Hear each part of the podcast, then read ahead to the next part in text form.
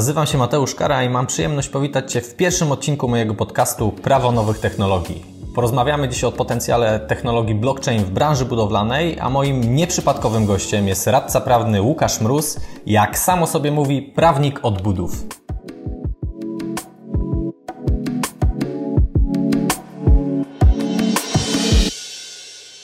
Prowadzisz kancelarię w Białymstoku, tak? Tak jest, tak już, już mnie przedstawiłeś, nazywam się Łukasz Mróz, jestem radcą prawnym i pomagam firmom budowlanym sprawnie prowadzić projekty.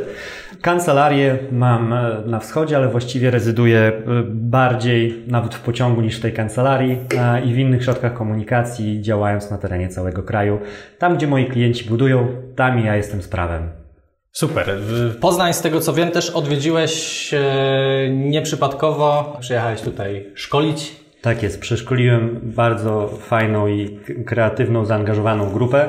O tyle fajną, że e, składającą się w większości z, z kobiet, co nie jest e, w typowo męskiej, stereotypowo branży budownictwa e, zbyt częste.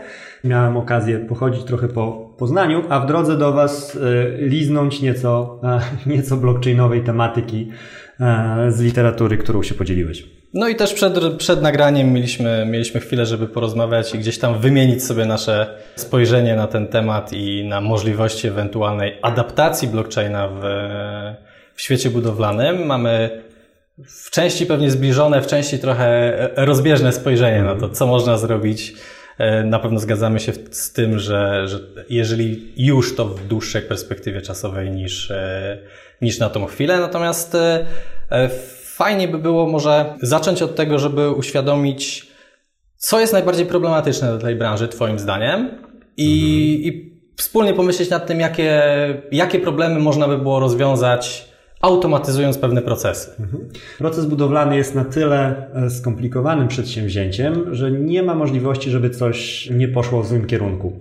I e, sami project managerowie, sami budowlańcy wskazują, że tym, co im najbardziej wtedy rzuca kłody pod nogi, jest to, że nie mają e, szybkiej reakcji na, te, na temat tego, co robimy dalej.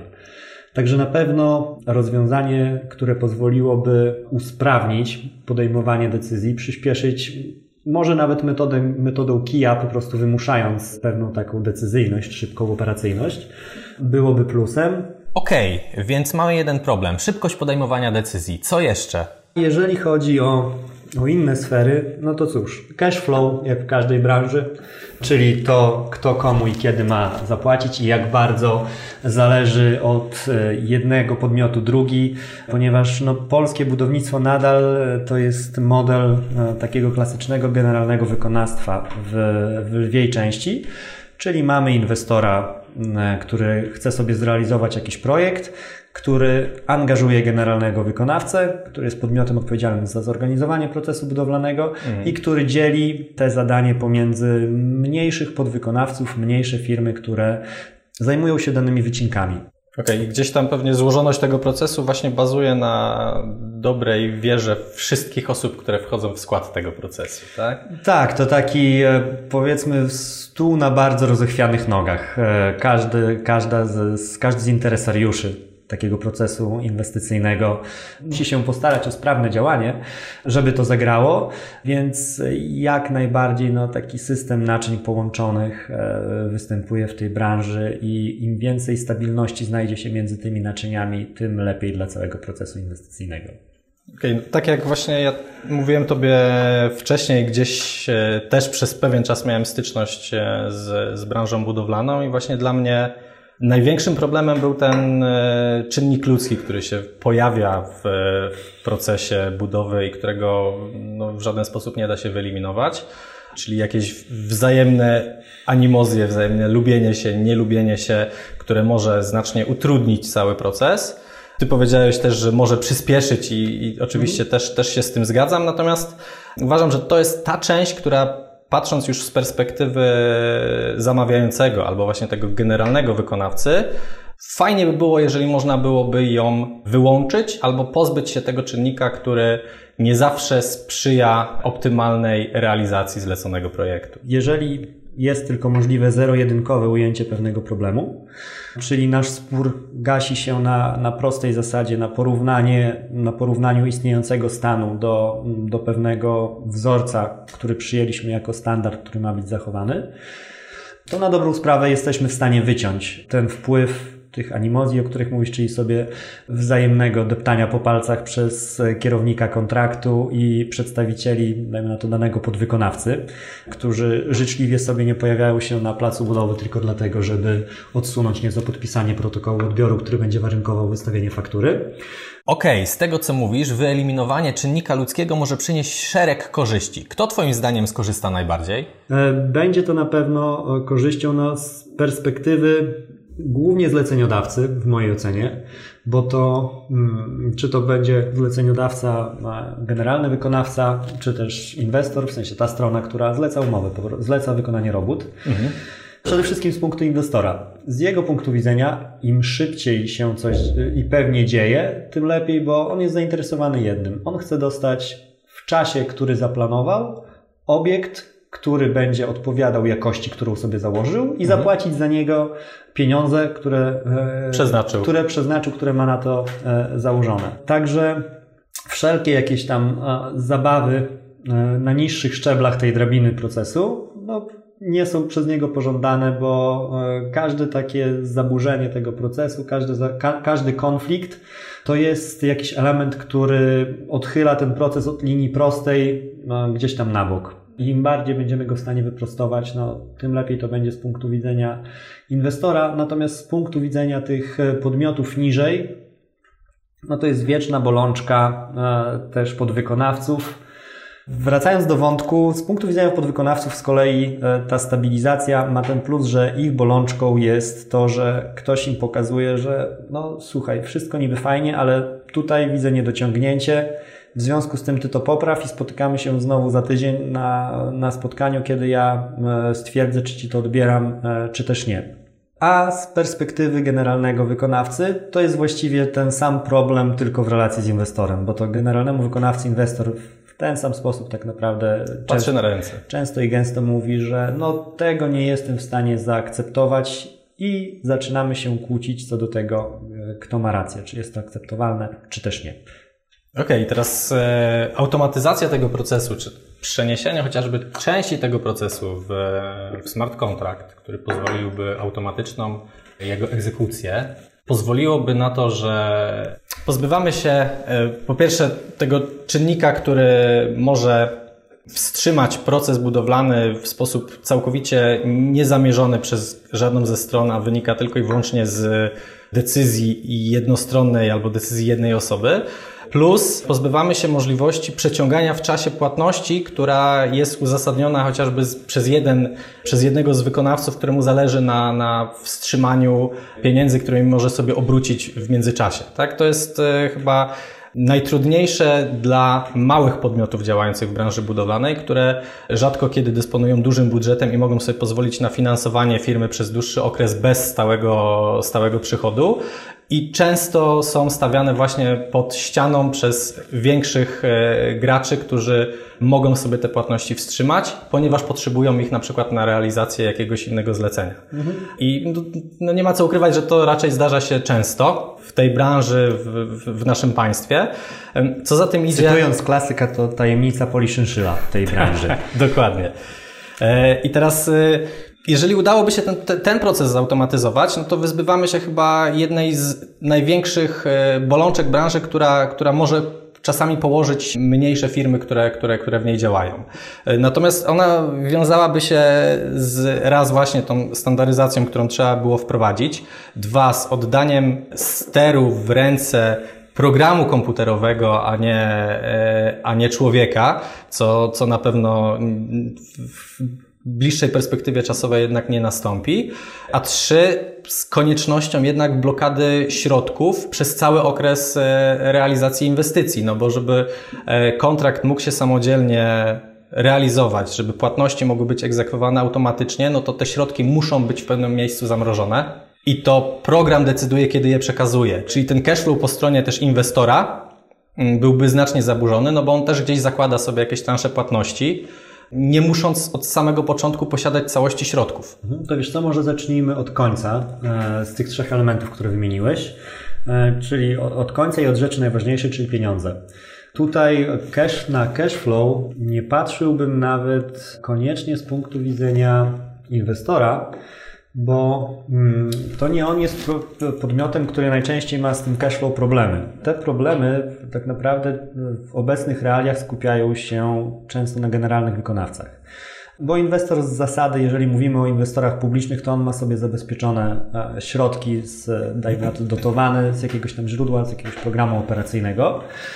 Inwestor prywatny, na przykład firma, która postanawia sobie wybudować blok mieszkalny e, i nie robi tego sama, ale deleguje to na zewnątrz, też najczęściej ma to po prostu skredytowane. A jeżeli mówimy już jakby o, deweloperach, no to tam wchodzimy w całe, w całe zagadnienie rachunku powierniczego i tak dalej, i tak dalej. Mhm. Z drugiej strony, przechodząc, przeskakując przez ten pośredni szczebel, yy, mamy podwykonawców, którzy, no cóż, na cashflow ucierpią o tyle, że w, zmienia się to teraz e, w obecnych e, warunkach, gdyż duża część ich ryzyka finansowego jest delegowana piętro wyżej na generalnego, ale jeżeli wykonawca przyjmuje na siebie zakup materiałów, to on tak na dobrą sprawę dotuje dużą część tej inwestycji. Prawda jest taka, że w, na inwestycje ułoży w lwiej części ten, kto jest najniżej. E, bo generalny e, wykonawca mówi podwykonawcy, że słuchaj, dostaniesz ode mnie pieniądze, jak przerobisz swój e, miesiąc pracy. Rozliczenia miesięczne to jest okay. standard mhm. budownictwa. No i pojawia się no, wątek, że ktoś za ten pierwszy miesiąc musi wyłożyć pieniądze, żeby kupić na to materiały i zapłacić za robociznę. Także idzie to później wyżej, bo z kolei generalnemu wykonawcy inwestor mówi, że ja tobie zapłacę w momencie, kiedy przerobisz swój miesiąc pracy i robi się taka drabinka, że ten, e, ten kto stoi najniżej, de facto finansuje, mhm. a, a dopiero ten, który z, e, stoi najwyżej, płaci i często te pieniądze są po prostu przepychane w dół lejka, żeby z, e, sfinansować tę, tę inwestycję. I tutaj, jeżeli chodzi o, o cash flow, to bardziej właśnie by to było z punktu widzenia tych, którzy są niżej, którzy mhm. czekają na pieniądze, niż, niż inwestora, no bo powiedzmy sobie otwarcie, płacenie nie musi być priorytetem e, inwestora. I to nie przypisując jakby złej woli, mhm. to chodzi o to, że jego interesem jest otrzymanie obiektu. Tak. Płacić jak najbardziej. Jestem rzetelny, będę płacił, e, ale prawda też jest taka, że e, jak długo trzymam Twoje pieniądze, tak długo jesteś bardzo zmobilizowany, żeby inwestycja toczyła się tak, jak mnie na tym zależy. To prawda. Także Cashflow jak najbardziej. To bym widział z perspektywy e, jednak tych, którzy czekają na pieniądze, czyli generalny w relacji do inwestora, czy podwykonawcy w relacji do generalnego. Drugi element, na który wskazywałeś, to było wyzbycie się wręcz bardziej zaufanie technologii, a nie, a nie tym, temu czynnikowi ludzkiemu. I to wydaje mi się w ogóle, wiesz co, najciekawszym elementem e, całej naszej rozmowy i budownictwo jako branża powinna dostać e, order, jakieś zachodowanie tradycji. E, jeżeli pracujesz w firmie, której kierownik, robot kontaktuje się, żeby ochrzanić swoją budowę przez Skype'a, a nie przez telefon, to już możesz powiedzieć, że jesteś w super nowoczesnej organizacji. Gdzieś tam, jeżeli chodzi o digitalizację, o, o nowe rozwiązania, jest po, no po prostu to nie do końca się zgrywa nowoczesność z budownictwem często. Okay, co ciekawe, no bo jakby nie patrzeć, jest to jednak dofinansowana branża, więc powinna sprzyjać wszelkim e, nowościom, które też gdzieś końcowo tną koszty, nie? Mhm. Wszystkie zdroworozsądkowe przesłanki wskazują na to, że tak, ale jak się okazuje, jako ludzie potrafimy być nie do końca zdroworozsądkowym gatunkiem. Dlatego tutaj ta bariera psychiczna y, będzie nawet nieduża, a olbrzymia według mnie. Ja to postrzegam jako główną barierę stojącą na, na przeszkodzie do tego, żeby, żeby popularyzować technologię, którą, o której rozmawiamy. Twoim zdaniem największą przeszkodą jest bariera psychiczna. W takim razie jak i czy w ogóle widzisz implementację technologii blockchain w budownictwie? To jakbym widział w ogóle wprowadzenie małymi kroczkami nie, nie, nie wrzucajmy firm budowlanych e, do basenu od razu na dwa metry, bo zachłysną się wodą i z przerażeniem e, będą krzyczeć, tylko tak jak z dzieckiem, że o, wejdź tu sobie po kosteczki, zobacz, po, pobróć troszkę w tym blockchainie, nie taki straszny, o, chodź teraz po kolanka, wejdziemy w rejestry rozproszone, wcale, zobacz, wcale nie jest tak strasznie, wcale nie, nie zimne takie te rejestry i tak krok, e, krok po kroku. Powiedziałeś o tym, jak widzisz z perspektywy branży, a co z Tobą? Jakie jest Twoje stanowisko wobec wdrożenia blockchain na budowy? Bardzo ciekawe wydaje mi się będzie obserwowanie tego, jak na przestrzeni lat, bo co do tego, że mówimy o latach i to długich nie mam wątpliwości, będzie e, zmieniało się podejście tutaj, e, czy mówimy o standaryzacji, czy o uproszczeniu pewnych procesów. Ja osobiście tę technologię związaną z, z rozproszonymi rejestrami czy i smart kontrakty jako element oparty na tym postrzegam jako narzędzie. Mhm. Nie jako zmianę, jakąś filozoficzną e, zmianę światopoglądową, tylko e, rzecz nową, która może nam ułatwić życie. I generalnie w związku z tym, to co możemy osiągnąć e, na przykład blockchainem, powinniśmy też być w stanie osiągnąć teraz e, w formie analogowej, tak to nazwijmy. Okay. E, czyli te problemy z, ze standaryzacją, z szybkim przepływem informacji, powinniśmy być w stanie e, załatwić już Anno Domini 2018. Praktyka pokazuje, że nie bardzo jesteśmy w stanie.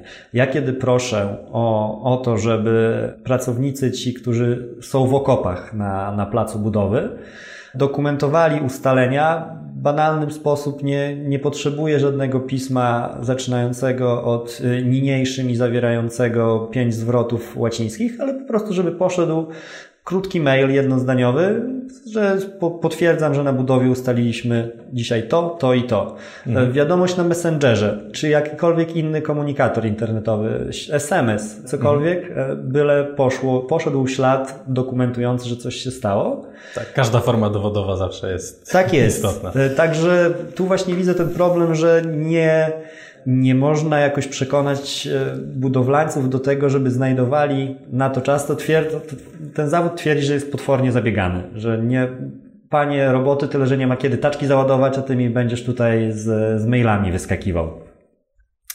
I tu jest też wyzwanie, no, żeby te procesy, które mają w przyszłości powstać i powstaną z pewnością na, na bazie blockchainu, żeby one też były na tyle proste i przystępne, żeby były bezbolesne dla, dla tych osób, które fizycznie są na, e, na placu budowy, bo to ich trzeba, one muszą kupić ten pomysł, tę zmianę, żeby mogło to zagrać, bo dopiero w momencie, kiedy zauważą realną wartość, czyli rachunek włożonego czasu do uzyskanej korzyści będzie na, na rzecz korzyści, Wtedy może to ruszyć, no ale to wymaga też wyskoczenia z kolejn takich intelektualnych, po których obecnie ta, ta branża, ten sektor, ten sektor jedzie. I raz jeszcze, w pełni wykorzystywane narzędzie, a osoba, która znajdzie drogę do tego, żeby przełożyć e, te istniejące już e, rozwiązania technologiczne na takie czysto funkcjonalne narzędzia, e,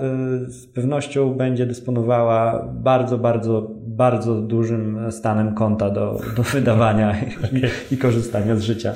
Powiem Ci ciekawą rzecz, bo e, byłem niedawno na konferencji, na której występował przedstawiciel poznańskiej firmy, która specjalizuje się w rzeczywistości rozszerzonej, czyli mm -hmm.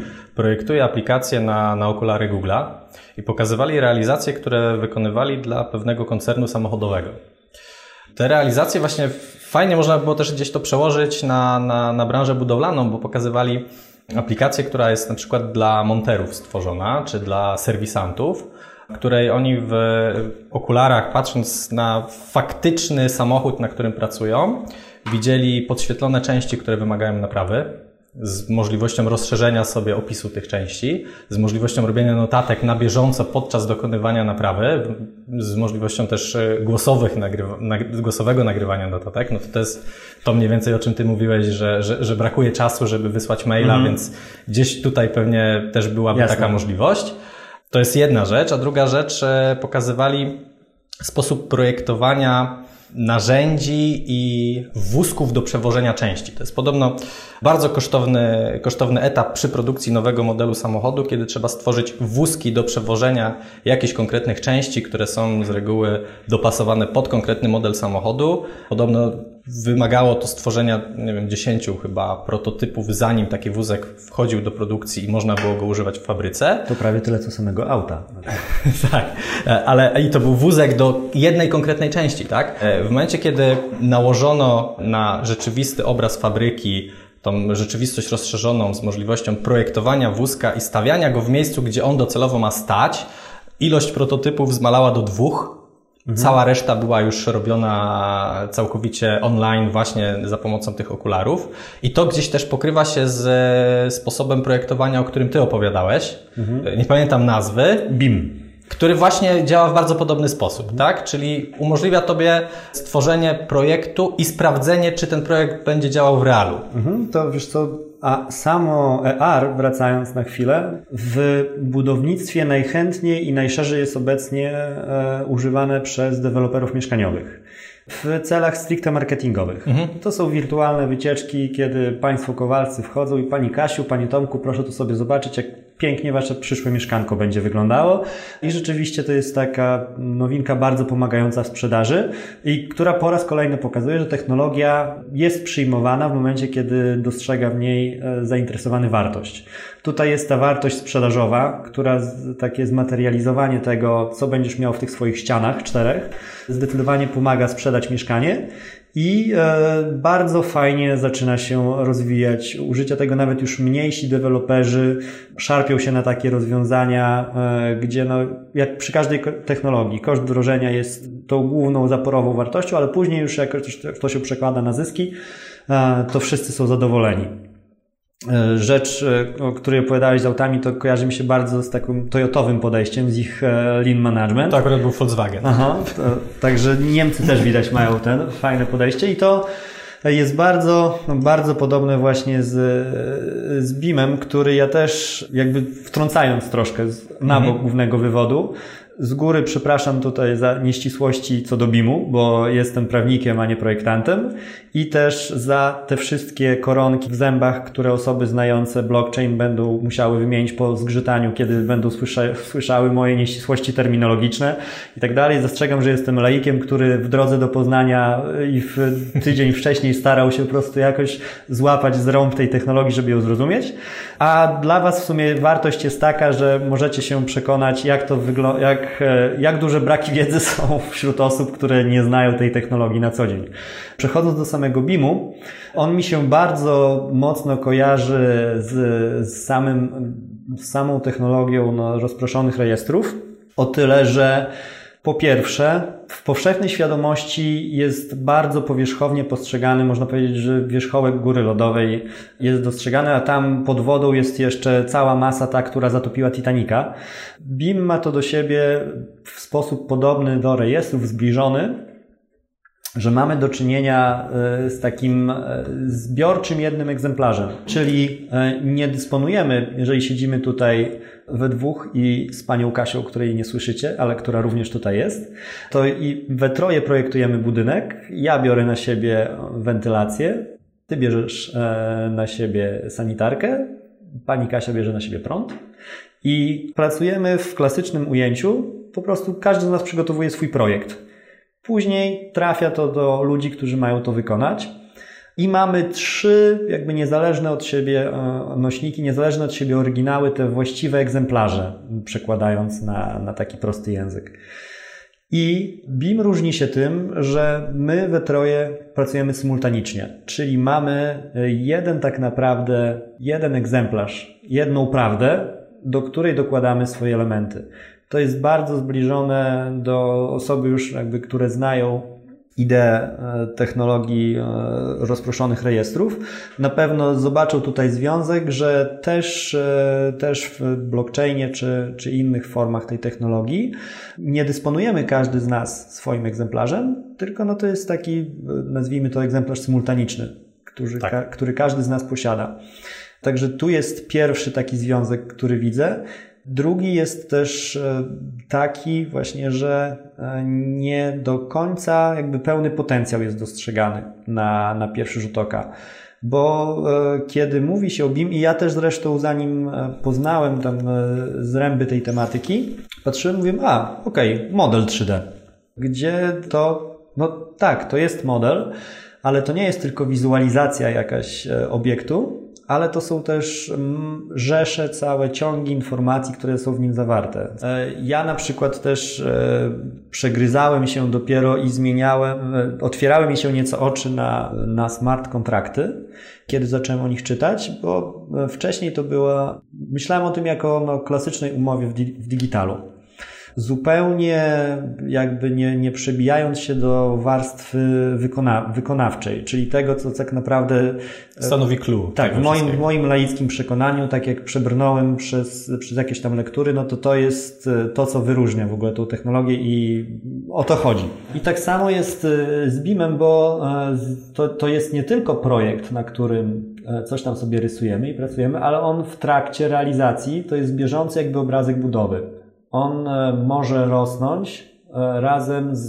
z tym budynkiem, który realizujemy. Czyli jeżeli budujesz sobie stadion, to ok, go zaprojektujesz, a później masz z tego e, taki zobrazowany wizualnie dziennik budowy, który pokazuje ci, że tak idzie ten postęp. I tutaj widzę właśnie tą analogię troszkę z, z blockchainem, z smart kontraktami, że tutaj też jest to wykonawstwo. To nie jest tylko raz zapisane, e, jak my działamy i sobie wisi gdzieś tam w chmurze e, w formie kodu zapisane zasady naszej współpracy, ale to jest też żywy organizm, coś, co, e, co funkcjonuje po prostu. To nie jest tylko papier, ale też młotek, który, który działa i który jest efektywnym narzędziem realizowanym w trakcie. To, to jest na, na, na zasadzie takiej, że w momencie, kiedy mamy projekt plus realizację i w momencie realizacji wystąpi nam błąd, e, no to nakładając projekt na faktyczny budynek będący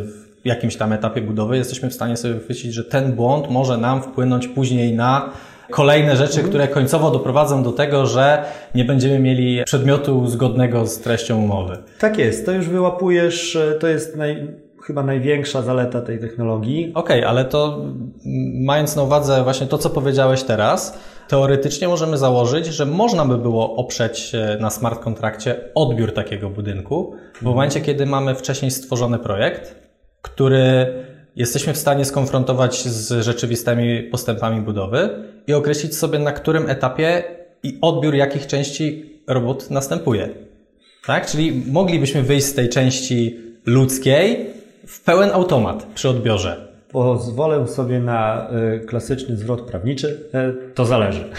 Okay. znaczy tak, ide, ideowo, y, okej, okay, jest jeden, jedno ale pisane z kapslokiem, że to by wymagało zero-jedynkowości. I jeżeli chodzi o jakąś parametryzację obiektu budowlanego, jeżeli ktoś będzie w stanie ująć wszystkie jego wymogi w postaci norm, norm norm technicznych, bo do tego by mhm. to się sprowadzało, to rzeczywiście jest taka możliwość. Po prostu masz e, papier, który zająłby pewnie dwie tomy, dwa tomy czy trzy tomy publikacji, gdybyśmy to sobie wydrukowali, w zależności od rozmiaru obiektu, to się sprowadza do wymogu po prostu opisania całościowego, parametrycznego e, budynku. Tu już abstrahuję od tego, na ile jest to wykonalne. Mhm. E, dla dobra rozmowy przyjmijmy, że znalazł się mega mózg inżynierski, który rzeczywiście opisał od A do Z, okay. jak to ma wyglądać. Wtedy droga jest otwarta co do zasady, bo rzeczywiście wyłapiemy to, że ok, miał być parametr e, jakiejś tam ruchomości konstrukcji X, a jest przekroczony, wyłapał to czujnik, więc nie spełniliśmy wartości progowej. Także ten e, zero-jedynkowość e, by, by na to pozwoliła. Kwestia, no, czy, czy jest ona e, osiągalna, Tutaj przy, przy wadach jest miejsce, jakby jest więcej miejsca do rozmowy, bo wada nawet w tym naszym współczesnym, analogowym, cywilistycznym ujęciu, no to jest do ujęcia przy odpowiednim opisie w kontrakcie. Możemy, możemy też e, wady przyjmować mocno zero-jedynkowo, wskazując standardy, jakie powinny spełniać dane prace. No problemem jest to, że wada jednak w zasadzie nie jest kategorią obiektywną. Coś, mhm. z czym ja się borykam właśnie chociażby na szkoleniach, e, które prowadzę z umów o roboty budowlane, kiedy rozmawiam z częścią inżynierską na temat wad i jest tam problem, czy może nie problem, a inny system myślenia, bo z punktu widzenia inżyniera to coś jest dobre albo coś jest złe. To tak jak z ciążą, nie jesteś trochę w ciąży albo, albo trochę nie jesteś. Okazuje się, że w ujęciu takim cywilistycznym, za co inżynierowie darzą prawników olbrzymią miłością, jest to, że to jest e, subiektywne. No, w jednym kontrakcie wada, e, jakaś tam cecha może być wadą, e, w innym nie. W jednym może być nawet wadą istotną, a, a w innym może być co najwyżej jakąś tam usterką. Także tu bardziej kwestia tego, że musielibyśmy zmienić paradygmat w pewnej części, żeby móc pozwolić sobie na taką pełną standaryzację. Ale co do zasady, wydaje mi się, przy odpowiednich, przy dobrych wiatrach e, można by, można by spróbować, no przynajmniej w tych prostych inwestycjach. Gorzej jest z, z innymi formami naruszenia kontraktu. Dobrym przykładem, o którym też rozmawialiśmy, mhm. E, są kary umowne. To jest fajny temat do omawiania e, smart kontraktów z racji na to, że to jest element prawny, który branży budowlanej jest znany znakomicie. E, i który nawet e, osoby bez jakiejś prawniczej proweniencji są w stanie powiedzieć na spotkaniu, na naradzie koordynacyjnej, czym jest zwłoka, czym jest opóźnienie w świetle kodeksu cywilnego. I dlaczego walczą o karę umowną za zwłokę, a nie mhm. o karę umowną za opóźnienie. I o ile przyjmijmy tytułem przykładu, że mamy tam, e, nie spełniliśmy parametru X, i e, jeżeli mamy e, zapisane to, no cóż, jest odmowa tego odbioru, czyli mamy zapisane językiem programistycznym w taki sposób, że jeżeli nie ma parametru, no nie idzie też za tym zapłata. Mhm.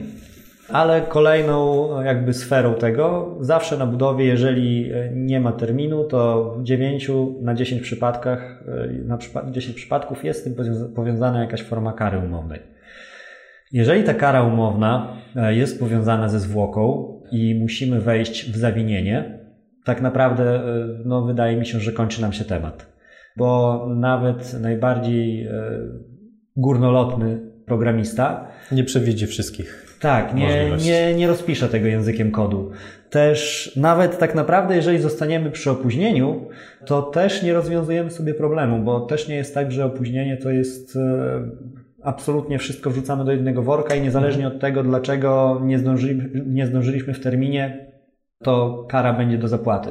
Tutaj dobrym przykładem jest e, chociażby to, że co by się nie działo, nie, powią- nie będzie płacił wykonawca kary umownej za nieterminowość robót, jeżeli ta nieterminowość wynika z okoliczności leżących po stronie zamawiającego. E, bo gdyby było przeciwnie, to tak naprawdę zamawiający by sobie decydował, ile tych kar zapłaci wykonawca, odmawiając po prostu mhm. przyjęcia pracy. Tak. I znowu, z mojej, z mojej perspektywy, z moją e, niemalże zerową wiedzą, wydaje mi się, że dla programisty byłby to problem trudny do przeskoczenia, do, do rozpisania. Tylko, że jakby, żeby nie sieć tutaj defetyzmu, to wydaje mi się, że są to bardziej problemy do przemyślenia, które wskazują na to, że potrzebowalibyśmy po prostu jednak dużej zmiany tego, jak myślimy o, o kontraktach, o umowach, o ich realizacji, żeby wpisać się w, w język programu. No bo tak jak odwołując się znowu do klasyka, to co mają wspólni humaniści z informatykami w tym przypadku, to jest znane, że moje, granice mojego świata wyznacza mój język. Granice świata smart kontraktów wyznacza język programowania.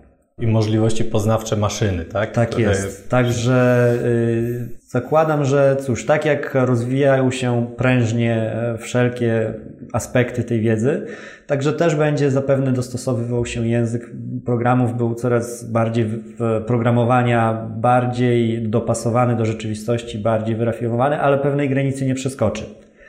Także staniemy przed wyborem, że e, skoro mamy tą granicę, e, której nie sposób przeskoczyć z powodu no, języka mhm. programowania, albo te części po prostu nie będą oparte e, na tym programistycznym podejściu, i przyjmujemy, że ok, tu jest klasyka, a w formułę smart kontraktu wrzucamy tylko niektóre elementy, które dadzą się wystandaryzować, dadzą się ująć zero-jedynkowe, bądź też stwierdzamy, że ok, interesuje nas ta technologia, chcemy, żeby to było zero-jedynkowo, no i w związku z tym zmieniamy w ogóle podejście do współpracy i e, zasady, które towarzyszą nam od setek tak naprawdę, e, jeżeli nie mhm. tysięcy lat i ten drugi element wydaje mi się zdecydowanie mniej prawdopodobny. Tak, no to jest pierwszy. to, co mówiłeś, że to można by było wprowadzić już teraz w sposób analogiczny, gdyby to było takie proste. Tak jest. Także no wyzwań, e, wyzwań jest, e, jest sporo i głównie wydaje mi się w,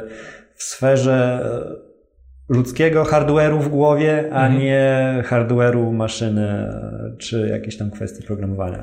Teraz tak wchodzimy w sferę już naprawdę daleko idących rozważań nad bardzo zaawansowanymi kontraktami. Mhm. Jeżeli mówimy o smart kontraktach, no to one, one już funkcjonują. Tak? Wystarczy, że kupisz sobie, nie wiem, lodówkę, która sama za ciebie robi zakupy, bo takie są. Mhm. No to to jest nic innego jak smart contract. To jest umowa, która tak została jest, zawarta. Amazon zmierza do tego, żebyśmy, żeby całe Stany miały takie lodówki, gdzie właściwie mówisz Alexa, e, dokup mi mleka, a po pewnym czasie ta lodówka sama, sama jest nauczona, kiedy. ile mhm. konsumujesz tego mleka i kiedy ci go dodać. I, i to, to, jest, to jest już takie, co, co faktycznie wchodzi. Te, te smart kontrakty w takich prostych umowach, które naprawdę są zero-jedynkowe, one wejdą bardzo szybko. Mhm. Bardziej zaawansowane smart kontrakty, moim zdaniem, wejdą też do, do, do naszego życia codziennego i, i no, branża budowlana jest tą, o której teraz mówimy. Ciężko mi określić jakąś tam perspektywę czasową, ale pewnie też prędzej lub później zostanie nimi objęta.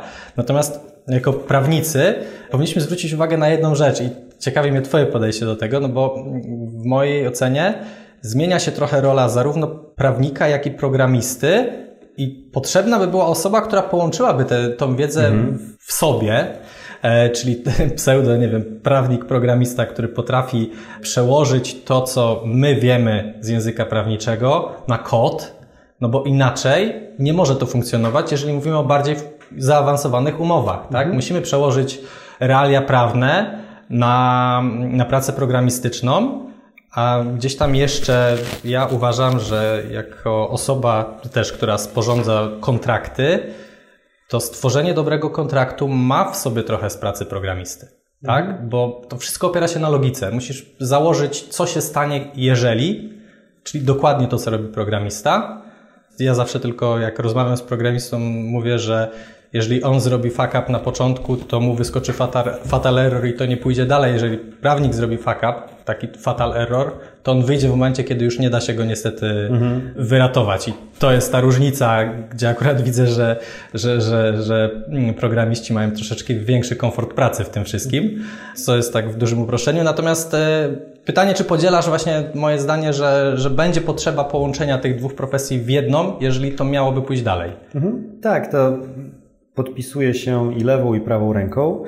To jest e, też część szerszego zjawiska tej inżynierii prawa, czyli normy w dużej, w, duż, w dużej ilości przypadków normy prawa to w rzeczywistości jest taki ciąg logiczny, czyli przewiduje, że jeżeli nastąpi wydarzenie A, zaistnieje skutek B. To, że ja to nazywam e, przesłanką odstąpienia, a nie e, ujmuje językiem kodu, z punktu widzenia logicznego no, wiele nie zmienia. Mhm. U mnie nastąpiło wprowadzenie, zaangażowanie podwykonawcy bez zgody zamawiającego do inwestycji. W związku z tym mam podstawy do odstąpienia. Bez problemu programista by to sobie ujął w, w swoim przyczynowo-skutkowym, e, takim linearnym postępie wydarzeń. Mhm.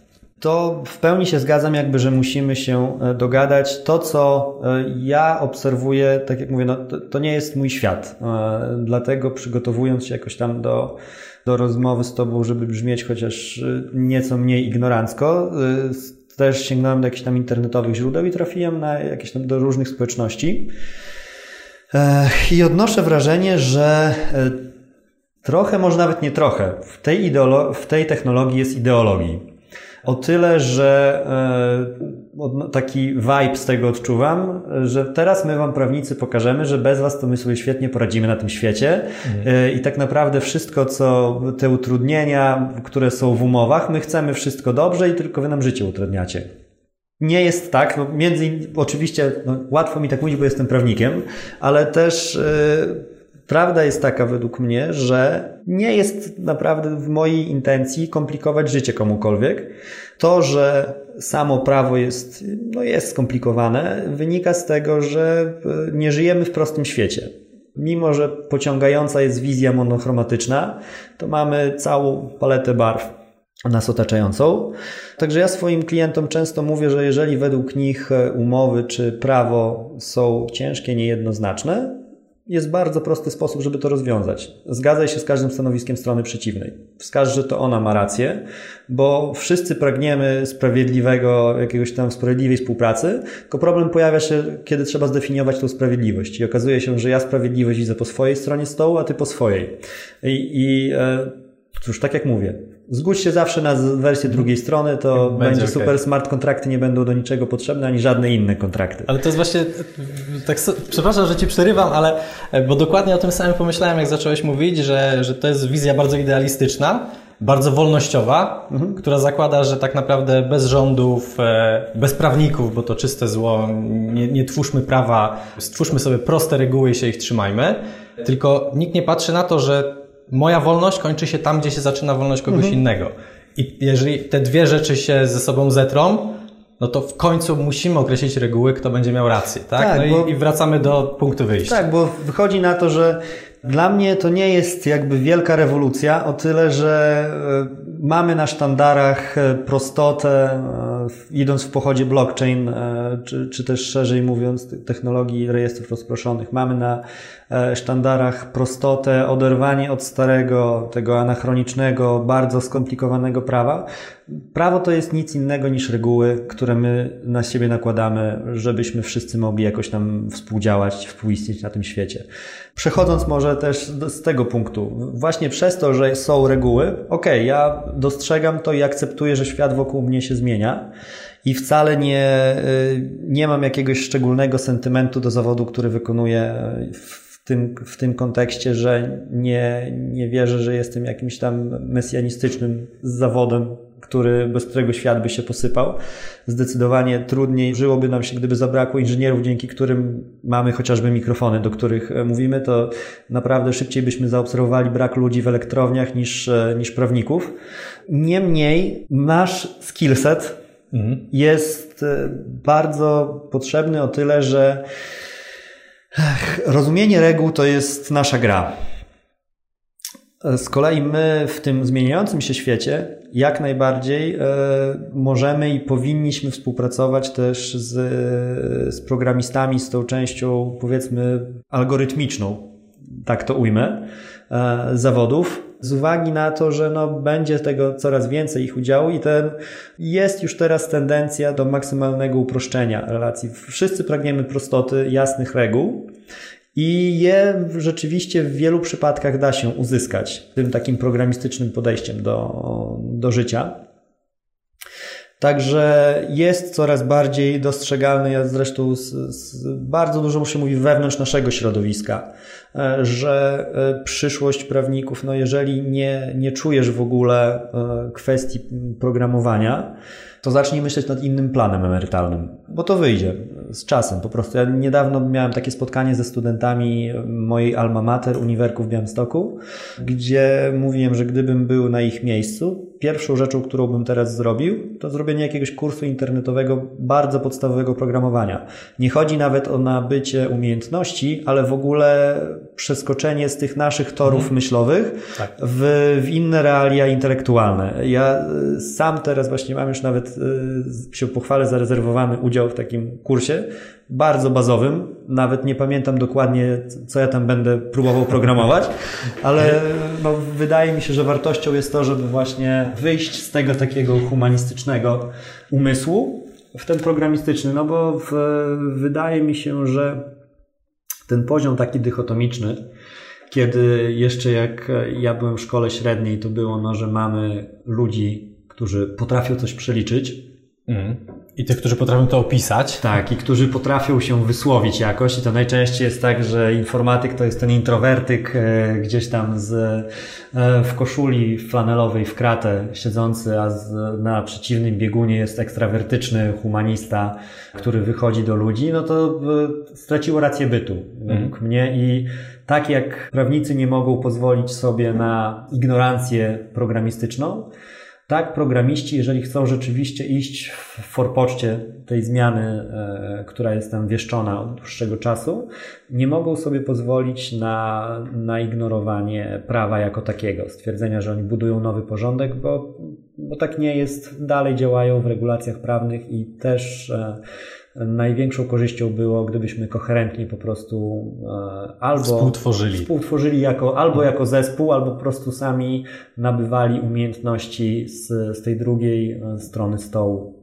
Tak, to moim zdaniem to będzie konieczne, dlatego że zwróć uwagę, że idea smart kontraktów, od której tak naprawdę zaczęła się ta rozmowa, ona się wpisuje w trend, który jest nieodwracalny, bo, bo sterują nim na tą chwilę duże korporacje, które patrzą przede wszystkim na swoje zyski i na swoje koszty tak? Czyli na automatyzację, maksymalne upraszczanie procesów, mhm. które, które końcowo pozwalają na obniżenie personelu, który jest odpowiedzialny za, za te najprostsze zadania. No i w tym kierunku będziemy szli, tak? Więc yy, pewnie zasadą jest to, żeby nie być tym najniższym trybikiem, który będzie można zastąpić automatem, tylko faktycznie pójść gdzieś w tą specjalizację. Już teraz, jak mówimy o prawnikach, którzy będą potrafili współtworzyć część tych rzeczy, które można faktycznie będzie uprościć. Mhm. To nadejdzie bardzo szybko. Tak jest, no bo e, cóż, te reguły, które są do zrobienia w kodzie, e, ktoś będzie musiał stworzyć. E, I tutaj, tak jak ja, gdybym dostał teraz laptopa z otwartym jakimś softem do pisania kodu, to spojrzałbym z przerażeniem i poprosił o włączenie pasjansa. Tak, e, informatyk, który usiadłby i któremu powiedział, żeby czy to na klawiaturze, czy na kartce papieru spisał po prostu językiem naturalnym zasady współpracy, które będą nas łączyły, które on chce przełożyć na kod, Efekt z obu stron byłby równie żenujący. I to nie wynika z, z, deficytów jakoś jednej czy drugiej strony, tylko po prostu z tego, że ja nie, ja nie programuję, a ty e, nie piszesz zasad współpracy stron. Dlatego pełna zgoda. E, też sądzę, że, że weszliśmy na, na ścieżki takie, cóż, te upraszczanie, optymalizacja w ogóle całego świata dookoła, no to jest e, coś, co się dzieje od pierwszej rewolucji przemysłowej. Mhm. Jest to może tak e, zabrzmi filozoficznie, ale każdy z nas ma ograniczony, ograniczoną pulę czasu więc e, mamy tu, chyba nawet ktoś to nazwał ładnie klątwą czasu, e, więc każdy zaoszczędzona sekunda staje się lepsza. No i początkowo to był sposobem oszczędzania tych sekund był silnik parowy, później to były kolejne skoki technologiczne. A teraz dochodzimy do kolejnego, do kolejnej odsłony tego samego e, zjawiska, także w pełni się zgadzam, że to jest postępujący marsz, marsz nie sprint. E, co tak. do tego też jakby wcześniej, jak rozmawialiśmy, to obaj się zgodziliśmy, że szczególnie w tych branżach e, bardziej takich namacalnych, fizycznych, mhm. to przemysł wiedzy jest bardzo chłonny na te, na, na te nowe technologie i bardzo przyjmuje je z otwartymi ramionami ale w tych przemysłowych bardziej gałęziach, które e, nadal będą, będą potrzebne, no, przewiduje się z tego, jak, jak czytałem, że będzie dalsze odsuwanie się właśnie od gospodarki tej namacalnej, takiej twardej, tak to nazwijmy, w kierunku gospodarki wiedzy ale ta e, gospodarka namacalna nadal będzie potrzebna, no bo jadąc na spotkanie z przyjaciółmi z innego startupu, nadal jakąś infrastrukturą będziesz musiał tam dojechać. Tak. I końcowo do jakiegoś domu wrócić. Tak jest. Więc e, Okej, okay, no ale tak e, myślę, podsumowując e, to, co sobie do tej pory powiedzieliśmy, myślę, że zgadzamy się co do tego, to już parę razy podkreślaliśmy, że, że prędzej lub później to wejdzie. Jeżeli mówimy o branży budowlanej, no to zakładamy, że będzie to dłuższa perspektywa niż, niż krótsza. Ja gdzieś dałem na przykład branżę motoryzacyjną, ale myślę, że tutaj to wprowadzanie nowoczesnych technologii wynika przede wszystkim z tego, że ona jest bardzo scentralizowana i ten kapitał jest jednak w rękach kilku dużych graczy, mhm. którzy no, optymalizują sobie procesy, bo mają miliony, które mogą wydać na wdrożenie technologii po to, żeby kolejne miliony na tym zaoszczędzić. Branża budowlana jest no, dużo bardziej zdecentralizowana. Mhm. To wiesz, jest Już wchodząc w nomenklaturę tak. blockchainową, tak? E, to jest jeden aspekt, jest też e, taśmowość produkcji. Okej, okay, tak. To pomaga bardzo, jeżeli e, Volkswagen robi sobie Passaty i e, na każdym kolejnym modelu szuka nanosekund, które może uciąć w, z pracy taśmy produkcyjnej. A co innego, no jeżeli tu budujesz stadion, tam lotnisko, generalnie nie ma nawet inwestorzy nie bardzo chcą, żeby były dwa takie same obiekty. Jeżeli zajdziesz do inwestora i mówisz, mamy tutaj super szablonik stadionu, to usłyszysz szybkie, że z kalki to można sobie obrazek przerysować. My chcemy coś indywidualnego, coś pięknego, coś, czego nigdzie indziej nie ma. E, I to samo jest, e, też właśnie rozmawialiśmy o tym a propos, na sekundę wracając jeszcze do standaryzacji, e, przeszkoda budowlana, czyli ogromna miłość taka do posiadania własnych regulacji. Każda szanująca się firma budowlana ma swój wzór umowy o roboty budowlane mhm. i innego nie akceptuje. To jest najmojsze i najlepsze. Ale z tego, co mówisz, to, to w takim wypadku w czasach PRL-u pewnie by to ładnie weszło. No, wszystkie bloki były takie same, więc tutaj idealnie można Też był tak, standaryzację wprowadzić. PRL to tak właśnie był blockchain taki, blockchain budowlany, osiedla te z wielkiej płyty, to była najbardziej chyba, wyprzedziliśmy swoją epokę, jeżeli chodzi o budownictwie, to był punkt kulminacyjny blockchainu w budownictwie, czyli cykl bloków tych 11-12 kondygnacyjnych z wielkiej płyty. Dokładnie i wtedy to oprzeć na smart kontrakcie. I, I, i byłoby pięknie i, i do dzisiaj byśmy mieli e, Polską Republikę Ludową w znakomitym stanie. Tak. Okej, okay, dziękuję Tobie bardzo w takim wypadku za, za rozmowę. Dziękuję, że nas odwiedziłeś. Myślę, że jeszcze kiedyś się spotkamy. Poraz podsumujemy za, mam nadzieję, nie 10 lat, ale za jakiś czas, kiedy będzie już można podsumować, e, co faktycznie się wydarzyło. Dzięki wielkie za zaproszenie do, e, mogę to teraz powiedzieć e, ze spokojnym sumieniem, najlepszego podcastu prawniczego o e, blockchainie, krypto i tematach pochodnych. Niekwestionowany lider głównie z tego powodu, że nie kojarzę teraz innego podcastu, więc tak. masz, masz na pewno spokojną pozycję, ale wierzę w to, że to liderstwo będzie też wynikało z, z poziomu podcastu, a nie tylko z faktu, że, że nie ma konkurencji. Także Dziękuję. powodzenia w następnych odcinkach i do zobaczenia za lat 3 czy 5 w rzeczywistości już pewnie bardziej zautomatyzowanej, zblockchainowanej i zdigitalizowanej. Jeszcze raz dzięki bardzo. Dzięki. Na koniec chciałbym zaprosić Was do social mediów Łukasza, czyli do podcastu Prawnik na Budowie i do strony Facebook o tym samym tytule.